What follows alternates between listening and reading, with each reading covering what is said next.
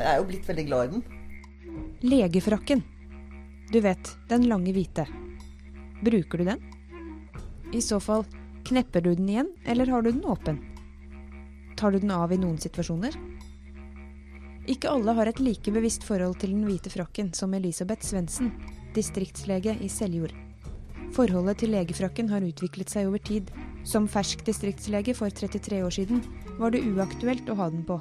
Da jeg begynte, så hadde jeg en slags ambisjon om at jeg skulle ikke ha frakk. Altså Den representerte et eller annet som jeg eh, tror jeg tok avstand fra etter å ha gått gjennom studiet og, og forholdt meg til autoriteter. Så dette var jo på tidlig 80-tall. Altså jeg begynte å jobbe i 81.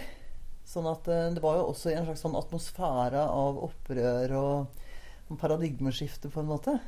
Sånn at frakken ble veldig symbolsk viktig å kvitte seg med. Jeg tror til og med ikke at jeg brukte frakk når jeg gjorde prosedyrer og sånt, altså i starten.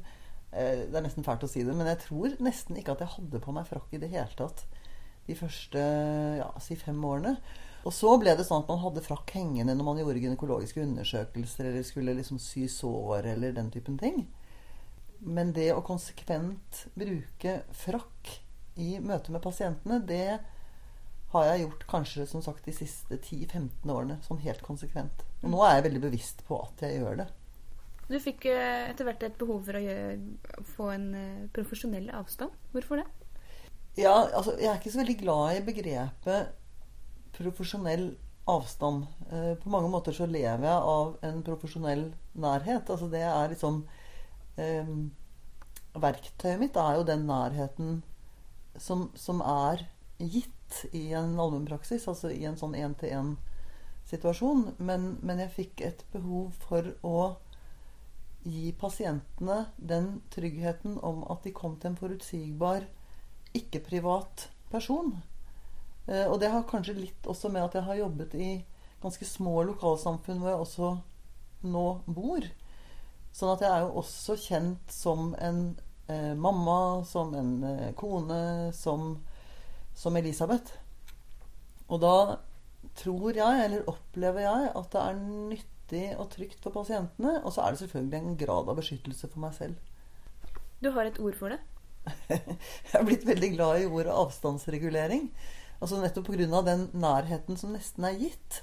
Og det som, som, for så vidt eh, du antyder, at noen ganger så har man behov for å lage også en avstand som gjør det litt tryggere. Så noen, både legen og pasienten, kan jo bli litt redde av nærheten. Eh, sånn at jeg bruker frakken veldig bevisst. Og nå har jeg jo forstått hvordan jeg bruker den bevisst. I, i begynnelsen så tror jeg bare gjorde det.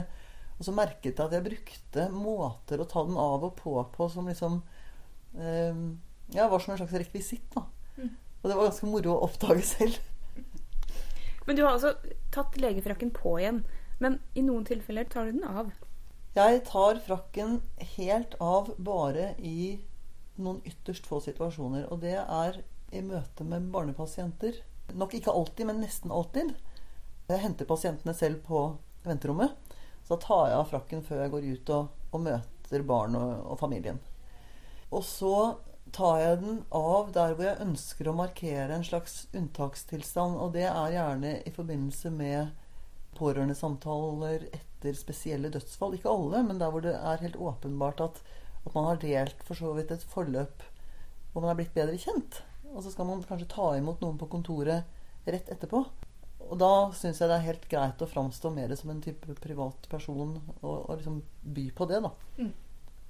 Det er kanskje åpenbart, men hvorfor tar du av når du har eh, små pasienter? Mange av de små pasientene har hatt skumle erfaringer på sykehus. Ikke alle, men, men mange har nok det. Og erfaringsmessig så, så, blir barna litt tryggere når jeg ligner på noen andre. Og så er det selvfølgelig mange ting som gjør at jeg ikke, ikke er trygg. Men, men, min fornemmelse er i hvert fall at det, at det skaper en litt annen stemning.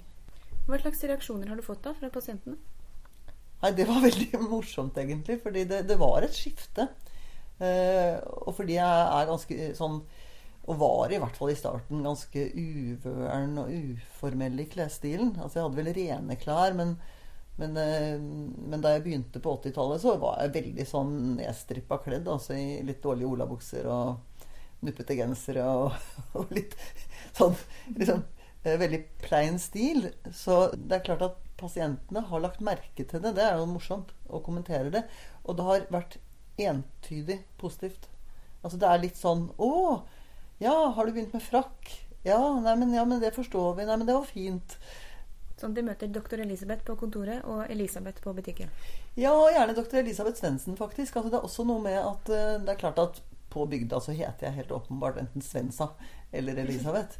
Men, men det der med igjen å, å, skille i noen grad på privat og profesjonell er uh, trygghetsskapende, tror jeg.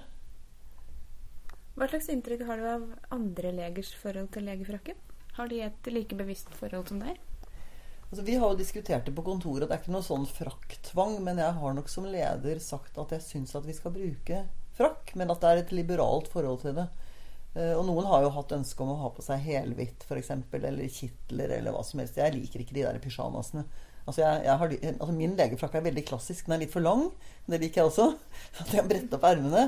Så jeg er liksom dekket. Og så har jeg den um, Det der med avstandsreguleringen Jeg har den som regel åpen altså over mitt eget tøy, sånn at jeg syns godt det jeg liksom har på meg. Så jeg er synlig og gjenkjennelig som meg. Um, og så hender det at jeg knepper den. Og det har jeg også lagt merke til at det er ganske bevisst. Når jeg på en eller annen måte enten ønsker å beskytte meg, eller hvor jeg føler at de som kommer til meg, syns det er behagelig at jeg er veldig eh, formell på en eller annen måte. Eh, men jeg har ikke noen sterke synspunkter på hva jeg syns folk bør gjøre. Eh, men det er klart det ligger noen implisitte anbefalinger kanskje i det jeg sier om hva jeg har erfart. da. Du kan lese mer om Elisabeths tanker rundt legefrakken i tidsskriftet nummer 22. Jeg heter Eline Feiring. På gjenhør.